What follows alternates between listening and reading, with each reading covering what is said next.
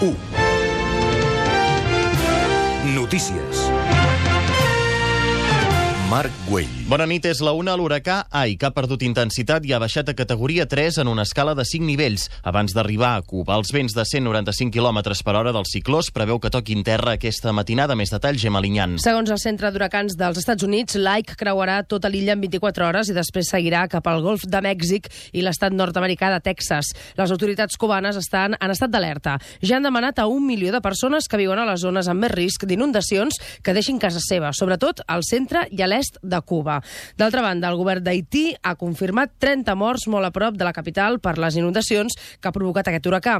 A aquestes víctimes s'hi sumen les 500 que va deixar l'huracà Hanna, convertit en tempesta tropical. Ara es dirigeix al nord-est dels Estats Units. El govern nord-americà controlarà els dos gegants hipotecaris dels Estats Units, Fannie Mae i Freddie Mac. El secretari del Tresor ha explicat que els accionistes deixaran de tenir el poder i la gestió de les dues empreses passa a mans de l'Agència Federal Financera de l'Habitatge.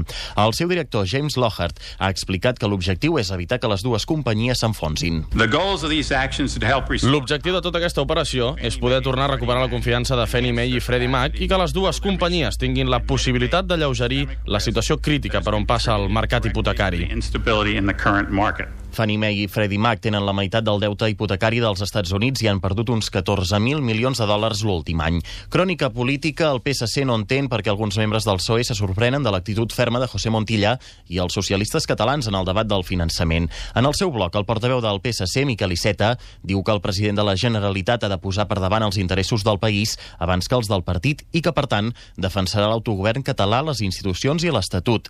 Iceta respon així a les crítiques que l'exvicepresident espanyol Alfonso Guerra ha enviat als socialistes catalans pel pacte d'unitat amb Convergència i Unió. Que es muy importante advertir a la gente que algunas operaciones después tienen consecuencias, ¿eh? Y o se es socialista o no se es socialista. Y España tiene un gobierno socialista surgido de las urnas de la inmensa mayoría de la gente en España. No se pueden hacer operaciones irresponsables Guerra ho ha dit des de Rodiezmo, a Lleó, en el tradicional míting on José Luis Rodríguez Zapatero dona el tret de sortida al curs polític. Des d'allà, el president espanyol ha anunciat que pujarà les pensions mínimes un 6% per fer front a la crisi econòmica.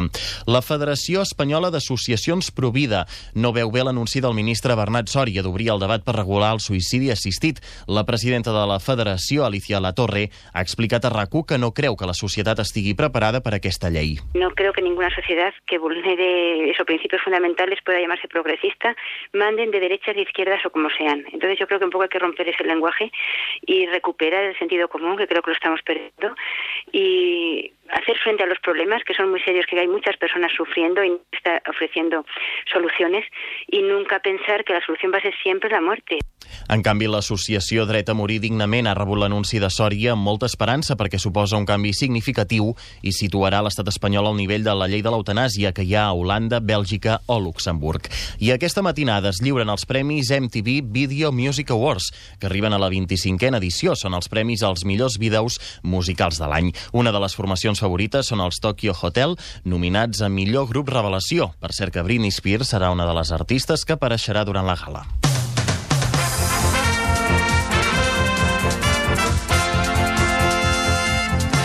Ara els esports amb en Miquel Agut. Rafa Nadal ha estat eliminat de l'Open dels Estats Units per Andy Murray. Tot i que Nadal ha guanyat el tercer set per 6 a 4, ha perdut el quart per idèntic resultat. L'escocès jugarà demà a la final contra Roger Federer. A aquesta hora, la final del quadre femení és a punt de començar. S'enfrontaran la Sèrbia Jelena Jankovic i la nord-americana Serena Williams.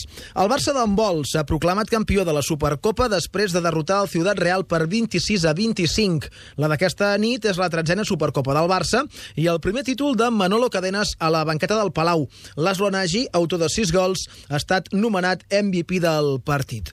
En futbol, el Girona és líder de la segona A després de golejar l'Alacant per 3 a 0 a Montilivi. El Nàstic només ha pogut empatar a un contra l'Osca al nou estadi. I el pilot de MotoGP, Jorge Lorenzo, ha reconegut al Tu diràs que després de les últimes caigudes que l'han obligat a passar pel quiròfan, hi ha hagut moments en què ha pensat que hauria de canviar la manera de Reconozco que después de Montmeló me, lo, me comí demasiado el coco, eso es cierto.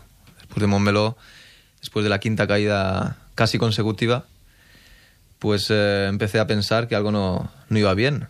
algo estaba fallando, ¿no? Porque no era normal tantas caídas y tanto, tantas lesiones seguidas y algo tenía que cambiar. Entonces lo primero que se me pasó por la cabeza es ir más lento. Encara en motor, Felipe Massa s'ha adjudicat el Gran Premi de Bèlgica de Fórmula 1 després que els jutges hagin penalitzat en 25 segons Lewis Hamilton per un avançament durant l'última volta. Pel darrere del brasiler, Heidfeld ha fet segon i Hamilton tercer. I a la Vuelta, el nord-americà Leipheimer és el nou líder de la General després de l'etapa que ha acabat al Pla de Baret i que s'ha adjudicat el francès Moncotí. I el temps, aquest dilluns, el sol i la calor s'imposarà pràcticament tot el país i tot i que les temperatures mínimes continuaran força fresques, les màximes pujaran entre 4 i 5 graus i ja superaran els 30 a moltes comarques interiors. És tot, bona nit.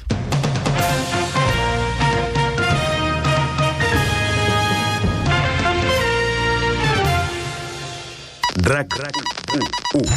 3, 2, 1. Igual que jugaba en Sevilla es imposible porque He hecho mucho hincapié en que en el contrato se planee que el Liverpool y el Español se haga la inauguración. Hola, són les 7 i 5 minuts. Benvinguts al primer top. Bona nit a tothom, són les 11 en punt. Benvinguts al Tu diràs. Viu l'emoció. Viu l'esport amb RAC 1. 3, 2, 1, final. Tots som 1. RAC 1.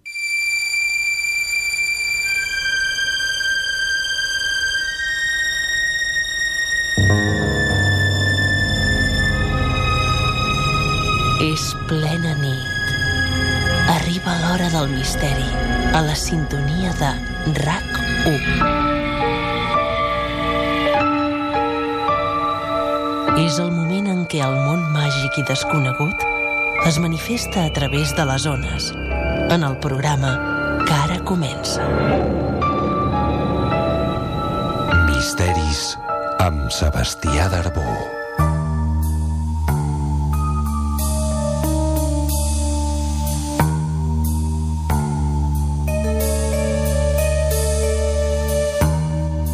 El programa dels enigmes i misteris del món de la mà dels millors especialistes en coneixements esotèrics i en les noves ciències d'avantguarda.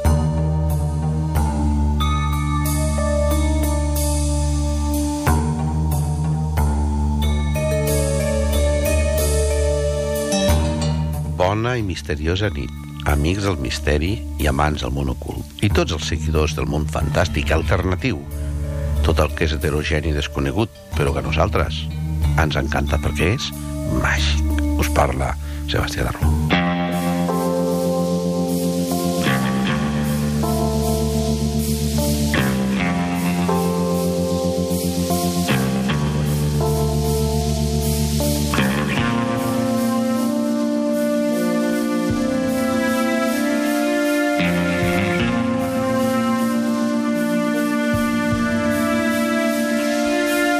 Aquest és el segon programa de la temporada, amics.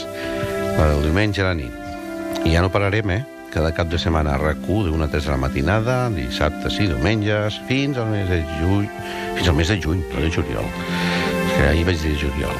Escolteu, els temes que, que avui us proposem són realment interessants. Mireu, en primer lloc, us, vaig, us recordeu el personatge de la vampira de Barcelona, l'Enriqueta Martí?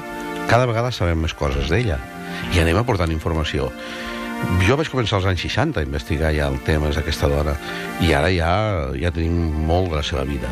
Pues avui anem a parlar del casino de la Rabassada. Sabeu que hi havia un casí a la Rabassada entre Tibidabo, on està el parc d'atraccions, que és la muntanya de Collserola, i Sant Cugat? Bé, en aquest casino hi havia l'habitació dels suïcides, on hi havia una pistola carregada amb una sola bala i una, i una botella de xampan francès o cava preparat abans de suïcidar-se. Bé, doncs allí anava la vampira de Barcelona a buscar clients. De tot això en parlarem amb el periodista especialitzat en història, Javier Coria. Després, anem a tractar d'un tema que, que als oients us agrada molt perquè sempre ens escriviu, perquè veu que té molt d'èxit, que són les teràpies regressives. Anem a parlar amb la nostra especialista, que és la Mariat Bernabé, la directora del Centre d'Estudis Superiors de Teràpia Regressiva, que ens expliqui una novetat, o no, o sí, o què farà, sembla que són una, unes demostracions gratuïtes per tots aquells que vulgueu conèixer i experimentar la teràpia regressiva. I a continuació anem a parlar de les novetats d'un altre centre esotèric, igual que ahir vam parlar del nou curs que començava a l'Escola de Mariló Casals, avui anem a parlar del nou curs que comença al punt de trobada màgic, que, que dirigeix la professora Rosana. Les noves activitats, creiem que això és pura informació. Seguidament, a la segona hora, la nostra reportera, la Marisol Roldan, vindrà a parlar de l'assassí desaparegut. Què us sembla?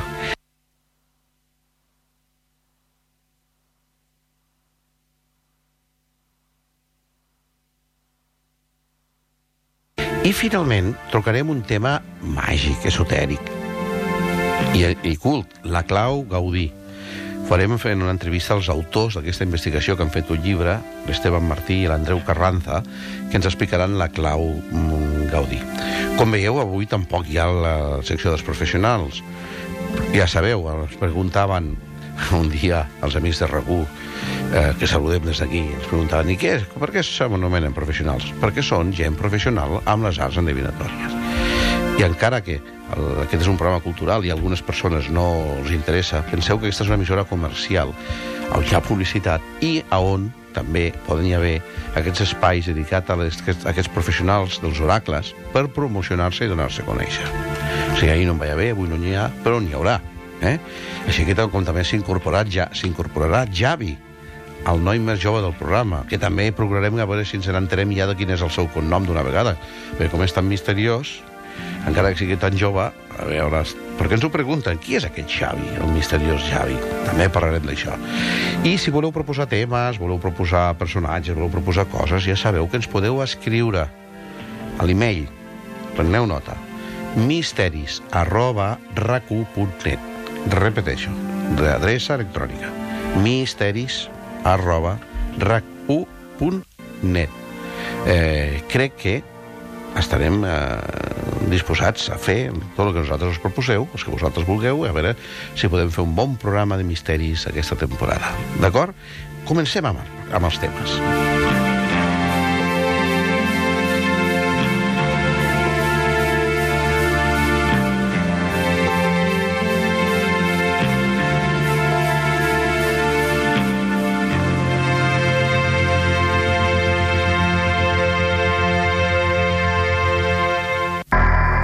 Interessa que parlem d'algun tema determinat?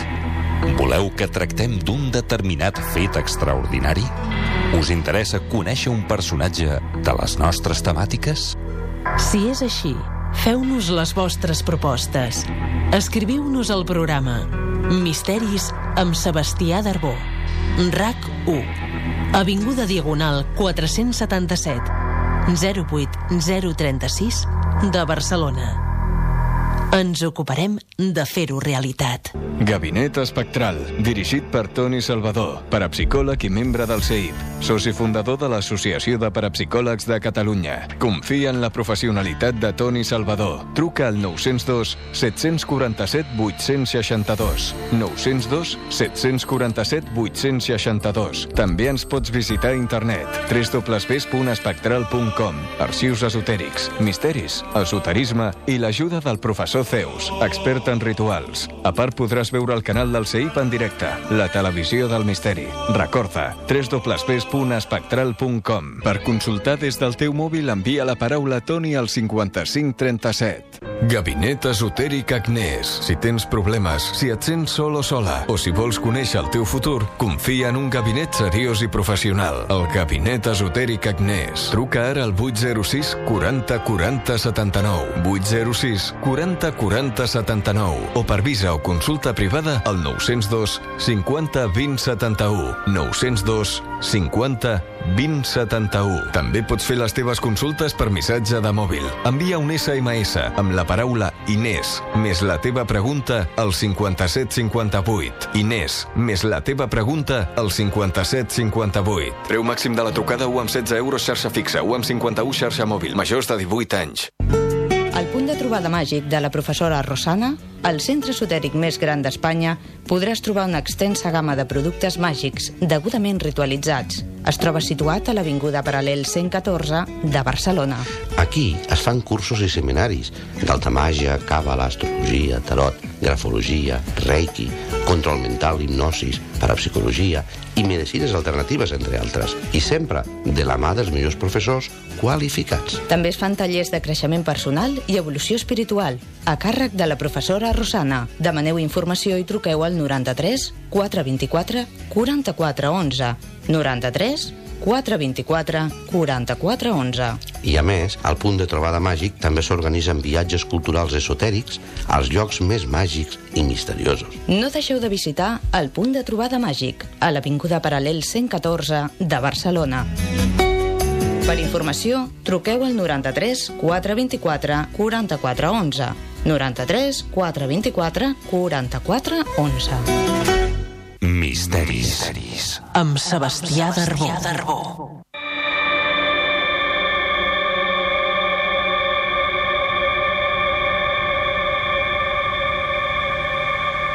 Misteris de casa nostra.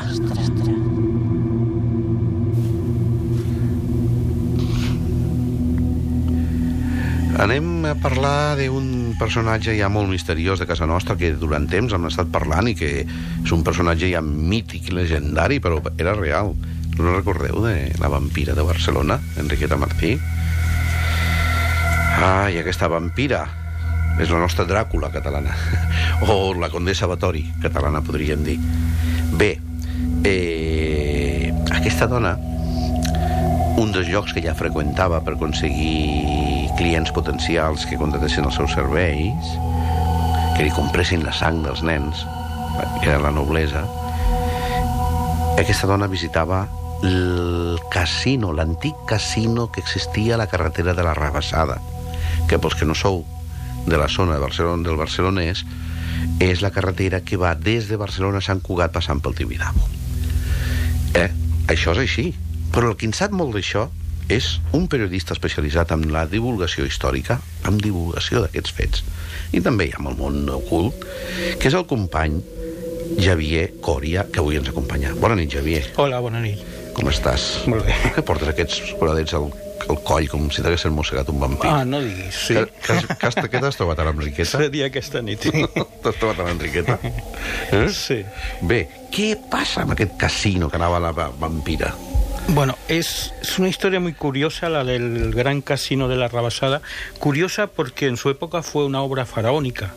Se, se empezó a construir en el año 1899 y, eh, y a principio de los años del siglo XX se, se terminó de, de hacer reformas. Entonces fue una obra farao- faraónica que se utiliza, que se, se invirtieron dos, mi- digo, dos millones, dos millones y medio de pesetas de la época, que en aquella época era mucho dinero. Des del 1899 fins, sí. fins quin any, l'últim? Es en, eh, en- en el 1911 terminó la última reforma. Empezó porque primero se construyó un hotel.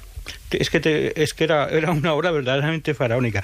El primer proyecto fue de un, de un arquitecto francés que se, que se llamaba Chevin- Chevinard, pero después en 1911 se hizo una reforma, una amplia reforma, donde ya se construyó el casino del que vamos a hablar, y ahí ya, ya esa reforma fue de un arquitecto catalán que se, eh, se llamaba Andreu Audet i Puig.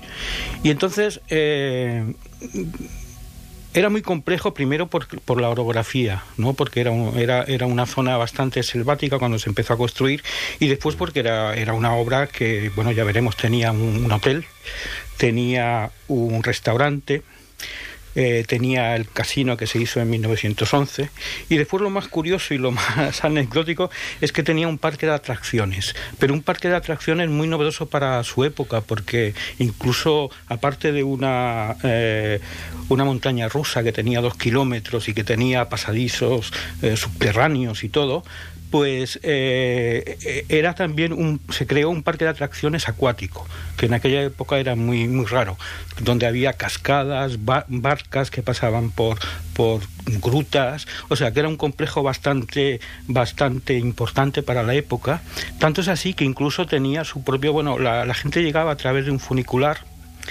eh, después la propia empresa eh, que era de, de, era una empresa, una asociación eh, catalana, pero también con intereses suizos y franceses, eh, pues tenía incluso un servicio de, de, coches particulares que recogía a la gente. Incluso en 1911 se creó un tranvía, es proceso para llegar allí, que salía desde la Plaza Cataluña. Y fue, fue un tranvía que estuvo durando incluso eh, cuando ya, ya, ya, desapareció el complejo, eh, durante la guerra civil estuvo, estuvo funcionando ese tranvía que fue co colectivizado y que era la línea 28, que subía por el Paseo de Gracia.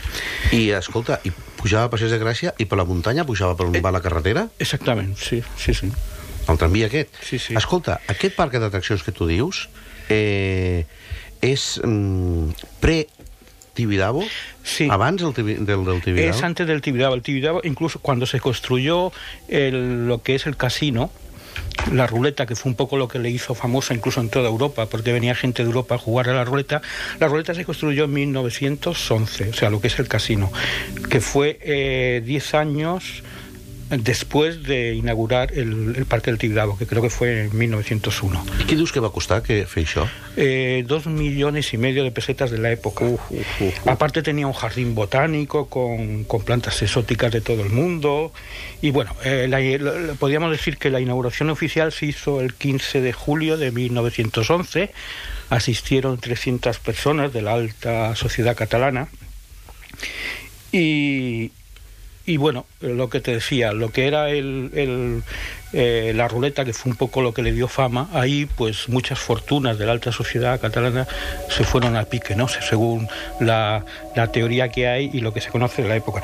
Y sobre eso hay un, un, uno de los misterios que, que, que, encierran este lugar, que curiosamente, como te comentaba antes de empezar el programa, curiosamente no hay ninguna monografía ni ningún mm, estudio histórico que hable eh, expresamente de, de este lugar. Sí que existen en el archivo histórico de la ciudad muchas referencias periodísticas de la época, incluso anteriores al proyecto, donde se explicaba lo que se iba a hacer, y hay comentarios en, en algunos libros, etcétera, pero no hay ningún estudio, eh, proceso sobre este lugar. Por eso mm, hay muchas incógnitas que nos llevan a pensar eh, eh, que existen aún muchos misterios sobre ese lugar y que hoy no conocemos. Uno de ellos, y que es una, una anécdota curiosa, es que precisamente dentro de lo que era el complejo de, del casino, donde ya te digo que iba a jugar la alta burguesía, no solo catalana, sino de España y que venía de Europa, pues existía lo que llamaban una habitación secreta, que era la, la, llamada habitación de los suicidas. Esto parece muy, muy literario, pero se tiene constancia de que existió. Era una habitación que estaba insonorizada, que tenía un revólver con una sola bala, y se dice que, siempre había puesta una botella de cava o champán francés, no lo sé, frío siempre estaba allí. Y esta, esta habitación estaba destinada para aquellas personas que, que, habían come, bueno, que habían perdido sus fortunas allí y antes de, de poder enfrentarse a ello ante sus familias, pues eh, tomaban la vía rápida del suicidio. Incluso se cuenta que la propia empresa a través de sus camareros, después de que el acto luctuoso pasara, pues facilitaba el enterramiento de estas personas, evidentemente con, con, el permiso de las familias, porque ten en cuenta... O sea, un servicio completo hasta sí, el final. servicio completo. Hasta el final. Hasta el final, porque ten en cuenta que los suicidas no, no podían enterrarse en suelo sagrado, sí, en Campo sí. Eso no enterraban a las brujas. Exactamente. Entonces en Barcelona tenemos otro sitio muy misterioso y muy curioso, que algún día hablaremos de él, que es el sector 13 del cementerio de Montjuïc, que es el lugar donde, donde se enterraban a los suicidas, a los espiritistas, a los duelistas, y que allí hay, hay, por ejemplo, está Colavide, que fue uno de los traductores de la obra de Alan Kardec, el espiritista, etc. Entonces, se supone que la gente que tomaba este, este camino rápido, pues eh, al final era llevado a este sector 13 de, del cementerio eh, de Montjuïc. Pero ya te digo, no hay Sabemos que la, la, la, habitación existió, que existía ese servicio, pero no tenemos constancia claro. histórica de que se hiciera uso de ella. No? Eh, els altres casinos també hi ha aquesta habitació o un balcó que incita o facilita, podríem dir, tirarse. Ay, no lo conocía yo. Ah. yo conocía el, el dato este de, Hi ha, de, de este. hi, ha, hi ha alguns... No estic parlant ara dels moderns, Sí, eh? sí, sí. Sinó dels clàssics de tota la vida, tenen la seva, la seva terrasseta... eh? Ara, elegants fins al final. Copeta de cava, de cava frío. y después Y además me voy fría. al más allá, pero me voy como un Y senyor. además con una bala no podías fallar, claro. Y Fantàstic, fantàstic. Era muy, muy así. Això em sembla morbós, però em sembla Sí. eh, eh, una, una memòria històrica del, de la nostra ciutat extraordinària. Ara bé, allà anava la vampira Enriqueta. Per què anava? Claro, este es uno de los eh, de, de- de los misterios también de este lugar. Bueno, el, el casino empezó oh, a cuando, bueno, hubo unas prohibiciones del juego en el año 1929 y después, bueno, primero en 1912 y después en el 29 y fue donde ya empezó a decaer un poco el lugar. Posiblemente existían lugares de juego clandestino allí mismo, pero fue cuando empezó a decaer y entonces estuvo un tiempo, hasta el año 1930, que estuvo funcionando solo como hotel y como restaurante. Te voy a dar un dato curioso porque tengo la, la- lo que valía el menú en aquella época. Tenía un restaurante, por cierto, que ahora no recuerdo el nombre, pero había un, había un cocinero catalán pero que sabía cambiar el nombre y se lo había francesado para parecer más fino, ¿no? Entonces, eh, Com se llamava? no, es que no recuerdo ahora el nombre. François, era el francès. Sí, era el. Sisquet, que se Sí, llamava François. era- Era el que es una cosa muy... que- Sisquet del poble sec. Sí, una cosa muy común en los años 80 en Barcelona también se solía hacer mucho. O, a frances- o a francesar las cartas o el nombre del cocinero. Entonces era, mira, por ejemplo, la, la habitación mm, doble sin desayuno valía 8 pesetas. La Y, de la época. Y el menú, bueno, evidentemente allí se solía comer de, de carta, pero tenían un menú por 5 pesetas, que para aquella época era todo un lujo.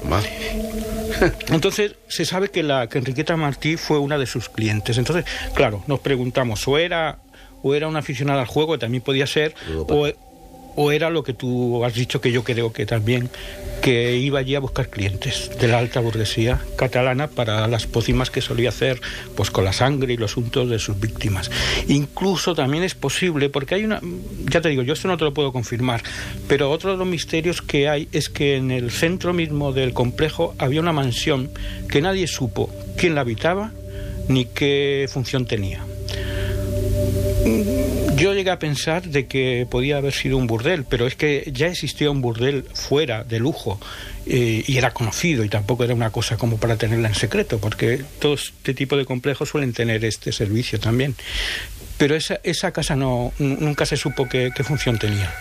Entonces, es posible que Enriqueta Martí fuera allí y tuviera tratos con gente de la alta burguesía donde vendía sus pócimas hechas con sangre y con unto de sus víctimas o incluso allí se realizaran algún tipo de rituales es posible porque una de las cosas que también sabemos es que todo todo lo que es la parte eh, por debajo de lo que era el, el complejo estaba lleno de túneles y uno de los túneles incluso existía un lago que eso es una cosa muy misteriosa y que los lagos subterráneos se utilizan para rituales, como tú bien sabes, y como existe, por ejemplo, eh, en el Parque Güell, debajo del Parque Güell, y que allí también se hacían reuniones de organizaciones secretas. Entonces, bueno, podíamos pensar que algo de eso podía haber en las visitas de la, de la señora Martí, la señora vampira de Barcelona. Enriqueta Martí. Estàs molt documentat, eh, Javier? Eh? No Això són els hipògeos, el que tu estàs dient, eh? Sí. Hipogeos o hipògeos, Hipògeos, sí. que n'hi ha també a Vilafranca, n'hi ha a, a Vilanova, n'hi ha a Cambrils, sí. allà eh, hi havia aquest el marquès de Marinau, o Sí, Marinau, sí. no, Mm. recordo, que va ser el primer que va construir hipògeos per Sí. sota dels jardins i resulta que era el mateix amo perquè, perquè ho sàpigues, eh, quina, Mhm. que no és, no és casualitat aquest eh, Marinau o Marianau eh, que va fer construir aquests hipògeos era el mateix amo del terreny on es va aixecar el Parc Güell que també hi ha hipògeos això dius, això Mm. no pot ser una casualitat. Mhm. és impossible, no, no pot ser una casualitat. I a l'arquitecte que ho va fer era un que treballava amb, amb, Ga amb Gaudí. Ja. eh, que diu, aquí em passa alguna cosa i Cambrils està al costat de Reus. Claro. la terra del mestre Gaudí. Mm. Eh, si ja veus, ja, ja vi que això és tremendo, eh? Sí. Aleshores, l'Enriqueta Martí, jo que el, potser sóc la persona que més ho conec el tema, perquè la, Mm.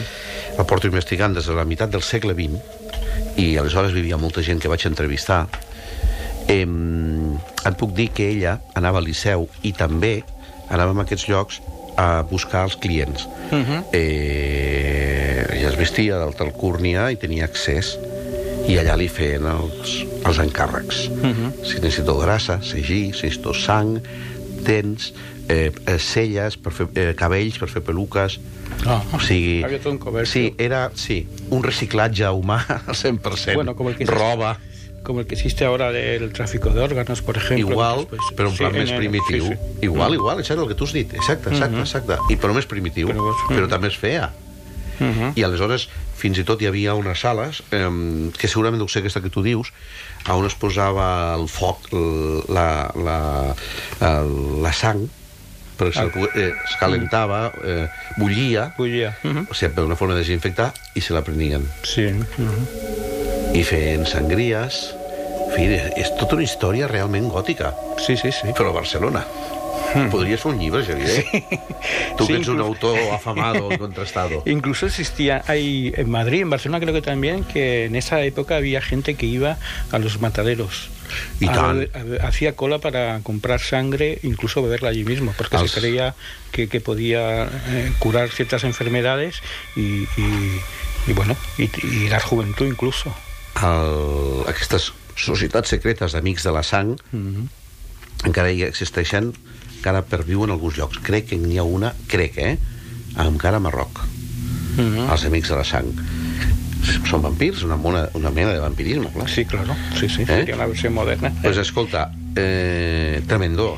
Eh, I aquest casino va desaparèixer Sí, per... en, durante, en los años 30 de- ya desapareció porque ya hizo fallida, por llamarlo así, y después durante la guerra civil se estuvo utilizando eh, como refugio antiaéreo. Se llevaba a la gente, porque como el tranvía aún seguía existiendo, desde la Plaza Cataluña allí. Pujava, pujava per Sí. la carretera? Sí, sí. La, baixada, per la pujada que ha. Y después se utilizó como almacén, como cuartel de los carabineros de la República. Y después estuvo un tiempo también eh, que se estuvo utilizando po- como caserna de la Guardia Civil, hasta el año 1940 que ya se derribó. Por eso a mí me hace pensar también que es posible que esos túneles tuvieran una historia negra y que escondan incluso algunos secretos de, de la represión, del- de, la posguerra y del franquismo y tal. Incluso, pues yo no sé, yo no sé por... Es curioso porque yo te comentaba, te comentaba antes que hay un- una orden, hay un expediente de, demolición de lo poco que queda, ¿no? Y que lo quieren hacer rápido, pero las, eh, los dueños del terreno de momento no lo han, no lo han llevado a cabo. Pero a mí lo que me, me espanta es que todo esto se vaya a pique sin que haya un estudio serio sobre eso. Sin hi que haver restes humanes. Claro, es que ahora que está esto eh, candente con la propuesta de, de Garzones y tal, ahí podían haber represaliados de la guerra civil que se hayan enterrado allí, por ejemplo. Mira, al castell de Montrodó, res a veure amb la, amb la vampira, allà al Montseny, prop del Montseny, Taradell, mm. era eh, del, de Simón de Montrodó, mestre Mm. templer, que va educar el rei Jaume I. Jo he estat diverses vegades allí, i hi ha a la cripta un túnel que van intentar, eh, a l'amo actual va intentar, és un túnel, un passadís que porta el, fora del castell i al riu. Van intentar eh, netejar-lo i hi havia restes de molta Mhm. gent de l'edat mitjana. O sigui, en aquests llocs sol hi haver gent, Clar. restes humanes, i ningú ho ha tret. Ujú. I llavors podria ser que... Claro, y es, es una pena que esto se que se, se tira abajo sin, sin haber habido pues un estudio incluso arqueológico de- del lugar, etcétera, ¿no? Y todo esto no se recupera y pasa inadvertido a la gente y, la- y a las autoridades culturales, ¿no? Parece que siempre estamos repitiendo lo mismo, pero son temas que para eso estamos aquí, para, para sacarlos. Bé, doncs escolta, hem d'afegir quelcom d'això, del casino no? Com? Hem de parlar d'algú més del casino? No, ja està, no? És un misteri que queda aquí i ja veurem com acabarà. Sí. Els misteris de casa nostra.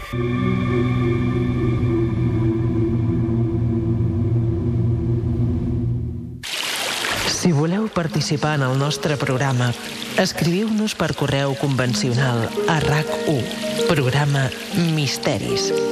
Avinguda Diagonal 477, planta 15, 08036, Barcelona. Persones amb la capacitat d'interpretar les cartes del tarot n'hi ha moltes. Els vidents reals són més difícils de trobar. Per això, si et preocupa el teu futur, consulta amb Anaïs 806 46 62 71. T'atendrà tan sols amb la seva evidència. 806 46 62 71. El gabinet d'Anaïs posa a la teva disposició més de 30 anys d'experiència. Truca ara. I si vols una consulta privada o per visa, 93 654 50 10.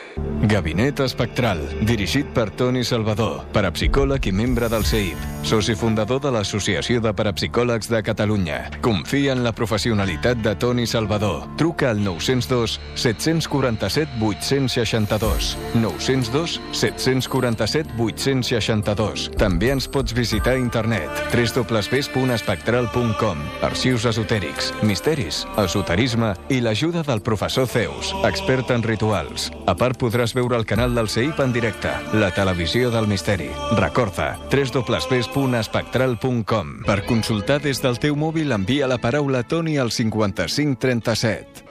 Persones amb la capacitat d'interpretar les cartes del tarot n'hi ha moltes.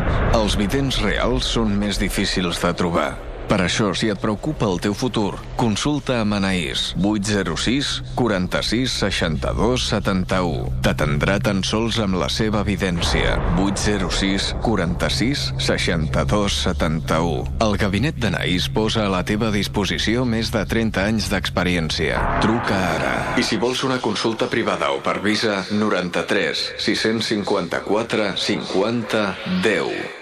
Misteris. A RAC1. A RAC1.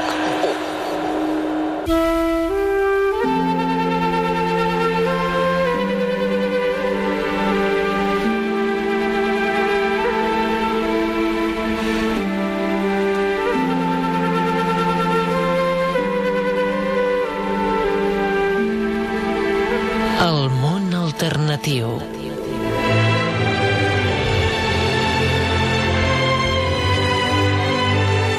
Quan parlem del món alternatiu, podríem parlar de tantes coses, de tantes formes de teràpia, mètodes, tècniques. Nosaltres, eh, com tenim la resposta dels oients, sabem que en són els, els temes que més els agraden de les teràpies alternatives. Sabeu quina és? Pues és precisament l'hipnosi regressiva. I amb aquest programa tenim una experta. Els que sou eh, antics oients sabeu qui és, però els que no, ara ho sabreu. Mariat Bernabé es licenciada en Filosofía, Psicoterapia y Ciencias de la Educación y máster en Cultura. Además de un meritorio currículum universitario, es colaboradora habitual de programas de radio, televisión y de la Universidad de Barcelona a través de conferencias y seminarios. Tiene su centro en Barcelona, el Centro de Estudios Superiores de Terapia Regresivas, del cual es directora, donde desarrolla el método del Dr. Brian Weiss, psiquiatra norteamericano de reconocido prestigio internacional. Mariat Bernabé colabora con prestigiosas instituciones como el Light Institute y el Weiss Institute en la organización de talleres. Diseña y guía cursos de formación para terapeutas, terapias individuales y de grupo. Pueden realizar reservas y consultas en el teléfono 93 225 0737 93 225 0737.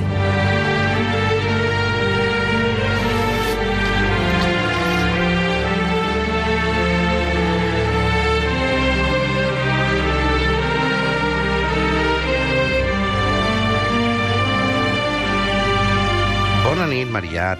Hola, bona nit. Primera salutació després de l'estiu. Ah, sí, després de les vacances. Bueno, les vacances sí, perquè l'estiu encara, encara dura. Encara dura, i, i tant. Hasta el moment de l'equinoci. Fins al 21 de setembre. Senyora, però falta poc. Falta poc, però bueno, hi fa calor, eh? Sí. Escolta, una pregunta genèrica per les persones que no sàpiguen encara de què va és quina és l'essència del mètode de la teràpia regressiva? La- L'essència de la, del mètode de teràpia regressiva és anar, al, és anar al passat. Anar al passat i recuperar els moments que són els causants de bloquejos que tenim en aquest moment. Pensa que, i tot, que tothom ho notem que a vegades fem coses que no volem fer. Ens trobem en situacions increïbles. A vegades diem, jo mai més tornaré a fer això, i tornes després a, a veure't fent el mateix, caient en, la, en, la, en el mateix problema. I és que a vegades tenim com, com eh, pautes subliminals, com a mandats inconscients que eh, estan organitzant la nostra conducta. I llavors el que és important és conèixer aquests patrons inconscients que, que, que estan bloquejant la, la nostra conducta o estan eh, l'estan fent a fer coses que no volem, l'estan condicionant, anar a l'origen d'aquest problema que, està, que fa que tinguem aquest condicionament en l'actualitat. Mm. Aleshores, eh, Mariat, eh, quan tu fas una teràpia regressiva i anem al més enllà, les Mhm. altres vides, hi ha guies espirituals que, que, amb les que connecta la persona? A vegades sí, a vegades no. Mm, realment surt amb, com molta freqüència. Guies, eh, eh, situacions arquetípiques de connexió amb els grans arquetips. Realment és una, és una tècnica que està dins de lo que es diu la psicologia transpersonal. Llavors, què vol dir això? Que es transcendeix al purament físic i material i va més enllà. Però no, no, eh, el terapeuta no provoca aquestes situacions de connexió amb els guies o amb els mestres. i tal. Normalment apareixen sense que eh, eh, sense tenir que provocar-lo, sense tenir que, que condicionar-lo, perquè és una teràpia que contempla tots aquests aspectes. Aleshores, la teràpia de la teràpia regressiva eh, cura el cos i cura la ment i cura l'esperit. Bé, eh, imagina, quan nosaltres partim de la teoria de que quan el cos està malalt és un avís, és com una campaneta que ens avisa de que hi ha alguna cosa de, de mena espiritual o de mena psicològica o emocional que està desequilibrada en nosaltres. És la campaneta, la, la, la malaltia, La campaneta t'avisa... l'alarma. Exacte, tu fas la teràpia, eh, guareixes el cos físic i també el psíquic i l'espiritual. Exacte. Molt bé. Dit, ho diem perquè hi ha oients que ens ho han preguntat a mi ells, no? Perquè hi ha persones noves que s'incorporen, els altres ja et coneixen, perquè cada vegada que vas al Màgic cada any, Sí. que aquest any també faràs el teu taller Sí, sí. de teràpia regressiva el dia mm, 28, 29 o 30 de novembre, Sí, encantada. Sempre ho tens plens. bueno, però mentrestant hi ha persones que pregunten, abans del màgic, que és el mes de novembre, que, que la senyora Beniat Bernabé no fa res? Dic, sí, fa també conferències i fa Sí. cursos. Explica quan ho fas. Doncs mira, tenim ara, el 18 de setembre, tenim una conferència que, i un taller, o sigui, que haurà també una regressió grat eh, grupal, i tot és gratuït, que es diu Teràpia Regressiva, Claves de la Sanació. Ah. I després comencem a l'altre 18, el mes següent, a l'octubre, comencem un curs molt interessant, molt complet. Un curs que va al llarg de 8 mesos, d'un fin de setmana al mes.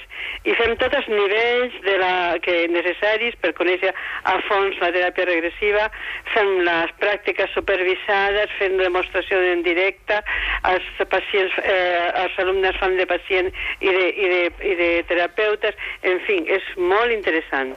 A veure, anem per parts. Mariat, aquesta conferència gratuïta, demostració, suposo que faràs una, experi una experiència pràctica, eh? Sí. Les persones que vagin podran experimentar el que és la hipnosi regressiva?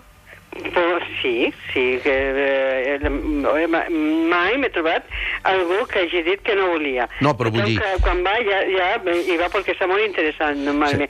Ara, si algú no vol, no... eh, No, no, no, no, no. No, no, no, evidentment, evidentment. Però els oients que els interessa eh, viure l'experiència de l'hipnosi regressiva, el dia 18 de setembre poden viure-la. Poden viure en, en, vivo, en vivo i en directe. En vivo i en directo i, a més, gratis. I a més a més gratis, sí. A on es farà? Es farà al Pati Llimona. Hi ha només un requisit.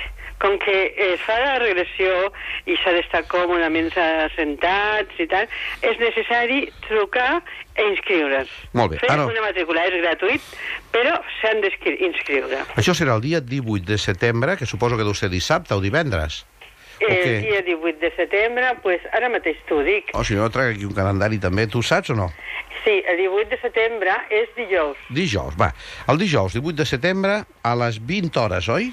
A les 20 hores. A les 20 hores al pati de Llimona. Però Al no, pati Llimona. Però no es pot anar directament perquè el pati estarà ple i, i s'ha de fer la reserva. Clar, clar, s'ha d'estar còmodament assentat per a poder, eh, per a poder aprofundir La i poder estar en un nivell de, de relaxació adequat, no?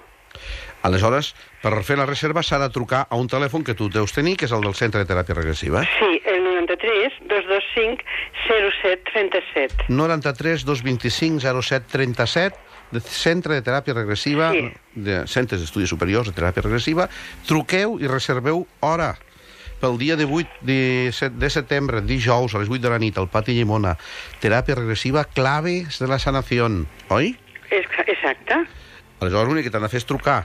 I aleshores, persones que vagin, ho experimentin, els hi agradi, diuen, m'interessa aprendre més o experimentar-ho més, o poden anar a consulta amb tu, o poden fer un curs. Exacte, exacte. I llavors, llavors me- bueno, de, depèn de, cal que, de, que, de, que, de l'interès que tingui, doncs se li pot recomanar una cosa o una altra, perquè pensa que després de la conferència sempre en parlo una miqueta amb persones que estan interessades.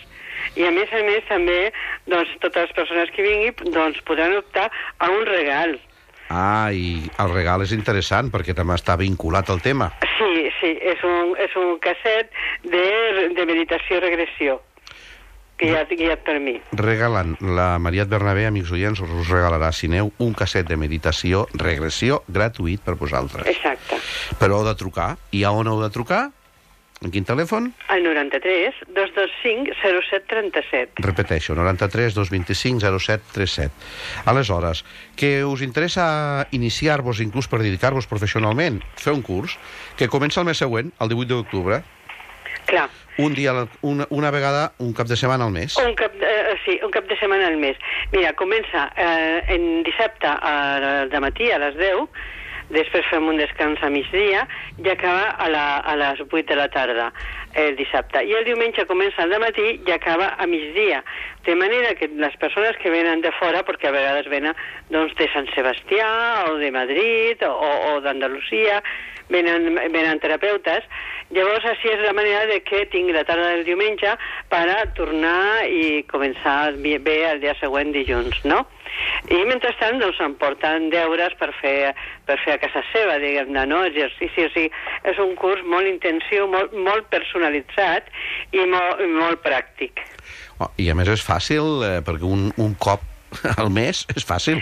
Sí, sí, No. sí, és molt fàcil de fer perquè és molt còmode i, i, i a més a més, a- l'allargar-se durant vu- vuit mesos dona molt de temps per a reflexionar i per anar integrant tot el que s'aprenc.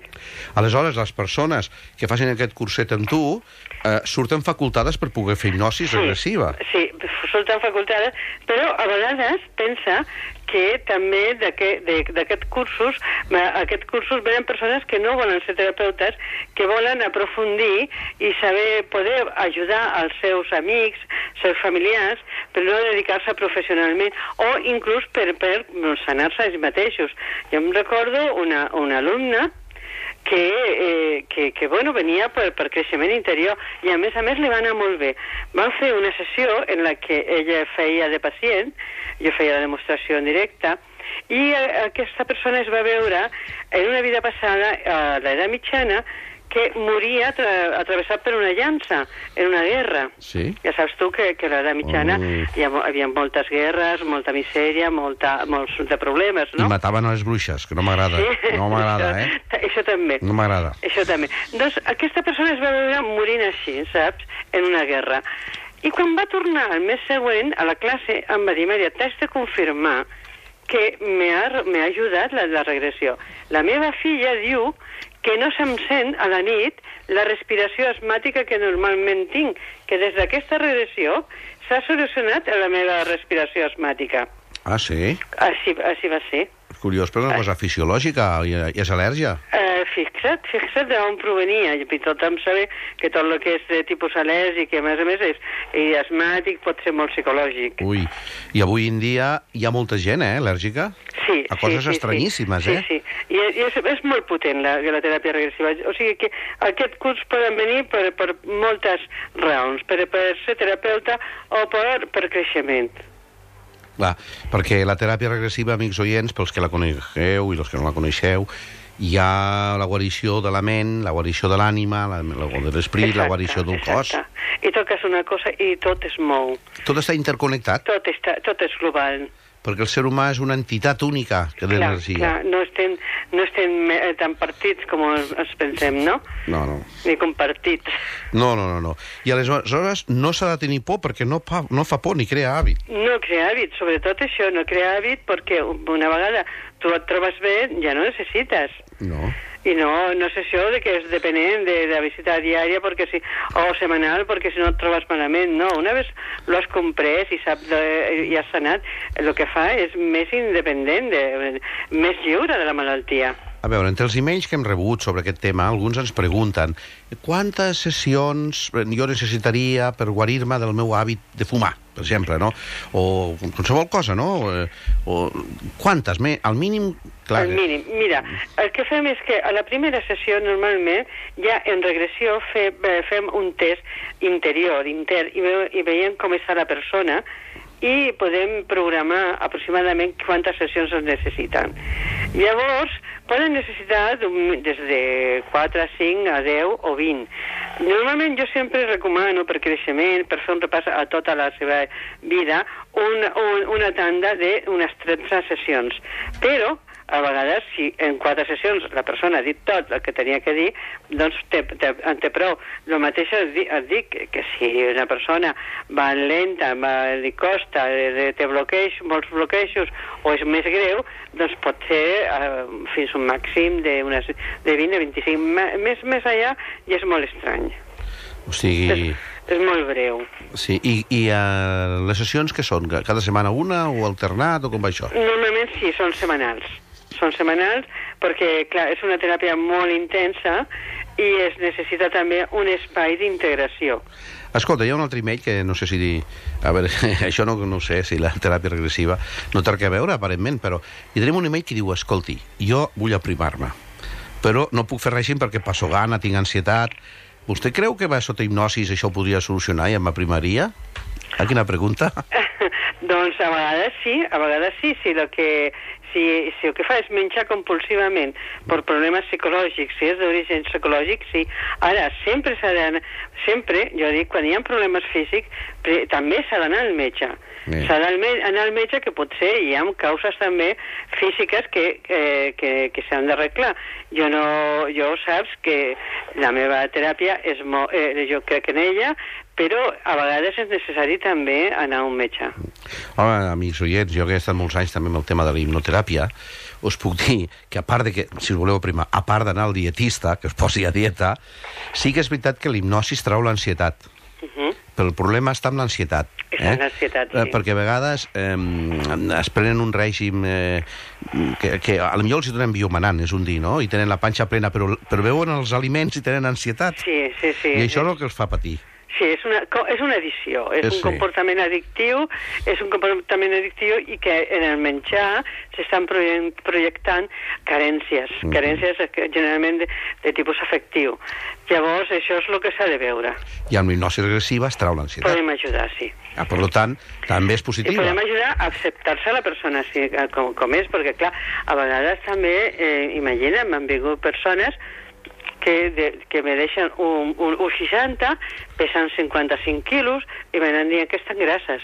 Ah, sí? Eh, Clar, llavors també eh, ajudem a acceptar-se a si mateix, a si mateixos i, i que i el, i el seu físic, no? Aleshores entrem ja a l'anorèxia i la bulímia. Sí, sí, sí, sí en, eh, o en la, o En en la dos- no acceptació. En els dos costats, en la no? no acceptació del, del, del cos físic i, i, i, bueno, i això és molt dolent viure, viure amb aquest sentiment de, de, de no acceptació d'un mateix. Eh, clar, és difícil, eh? Però bé, li, la teràpia de, per hipnosis eh, et pot arribar a ajudar molt, eh? Però molt. Mm, saber pot ajudar, arriba molt. Ajudar tant en bulímies com en anorèxies, Oh. pot ajudar molt. El... És que la gent no accepta el seu propi cos, per això triomfen tant els, els cirurgians plàstics. Eh? Sí. Que fan treballets que semblen miracles, no? Sí, sí. Miraculosos. Però la hipnosis i la, regressió, concretament, no crea hàbit i ajuda. I ajuda, sí. Mm. i potser t'evitarà molts disgustos també a la teva vida, no? Perquè amb, mentre estàs barallant amb aquests bloquejos, amb aquestes pors, amb aqu tot això, doncs no fas res positiu, no? No vas endavant i te deixes perdre moltes oportunitats que la vida ofereix.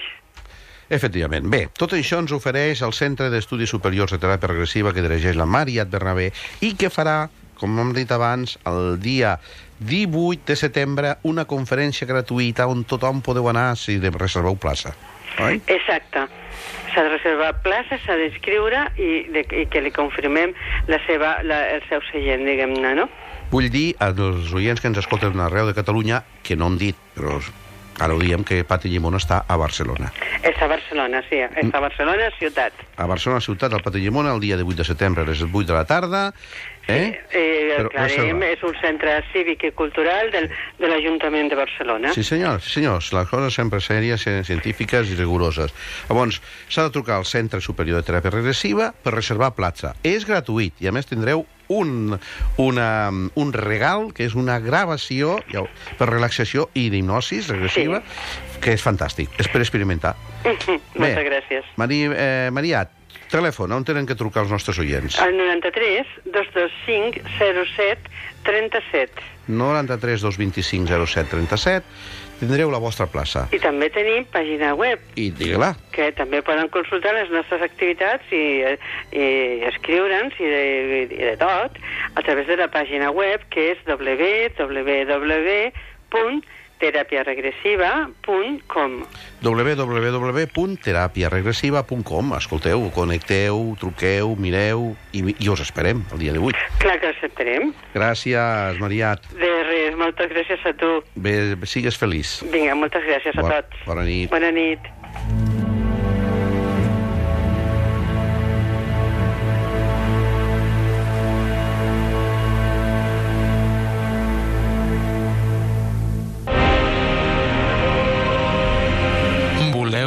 Conèixer el món desconegut que ens envolta?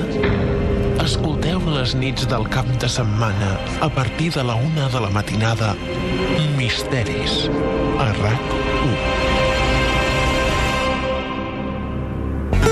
Al punt de trobada màgic de la professora Rosana, al centre esotèric més gran d'Espanya, podràs trobar una extensa gamma de productes màgics degudament ritualitzats. Es troba situat a l'Avinguda Paral·lel 114 de Barcelona. Aquí es fan cursos i seminaris d'alta màgia, càbala, astrologia, tarot, grafologia, reiki, control mental, hipnosis, parapsicologia i medicines alternatives, entre altres. I sempre de la mà dels millors professors qualificats. També es fan tallers de creixement personal i evolució espiritual, a càrrec de la professora Rosana. Demaneu informació i truqueu al 93 424 44 11. 93 424 44 11. I a més, al punt de trobada màgic també s'organitzen viatges culturals esotèrics als llocs més màgics i misteriosos. No deixeu de visitar el punt de trobada màgic a l'Avinguda Paral·lel 114 de Barcelona. Per informació, truqueu al 93 424 44 11. 93 424 44 11. Gabinet Espectral, dirigit per Toni Salvador, parapsicòleg i membre del CEIP, soci fundador de l'Associació de Parapsicòlegs de Catalunya. Confia en la professionalitat de Toni Salvador. Truca al 902 747 862. 902 747 862. També ens pots visitar a internet www.espectral.com Arxius esotèrics, misteris, esoterisme i l'ajuda del professor Zeus, expert en rituals. A part podràs veure el canal del CEIP en directe, la televisió del misteri. Recorda, www.espectral.com Per consultar des del teu mòbil envia la paraula Toni al 5537. Nit d'enigmes i misteris a la sintonia de RAC 1.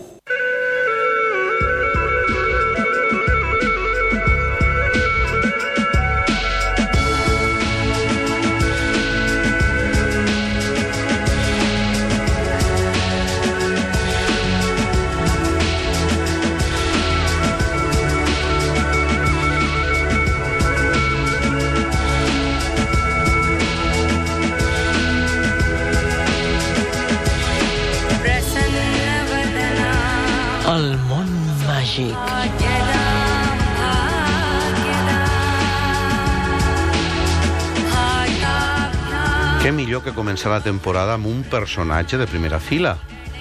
Un personatge mediàtic, conegut de tothom, la patrocinadora del Màgic Internacional, la directora, la creadora del punt de trobada màgic, la professora Rosana Lara. Bona nit. Hola, bona nit, Sebastià, i bona nit a tothom.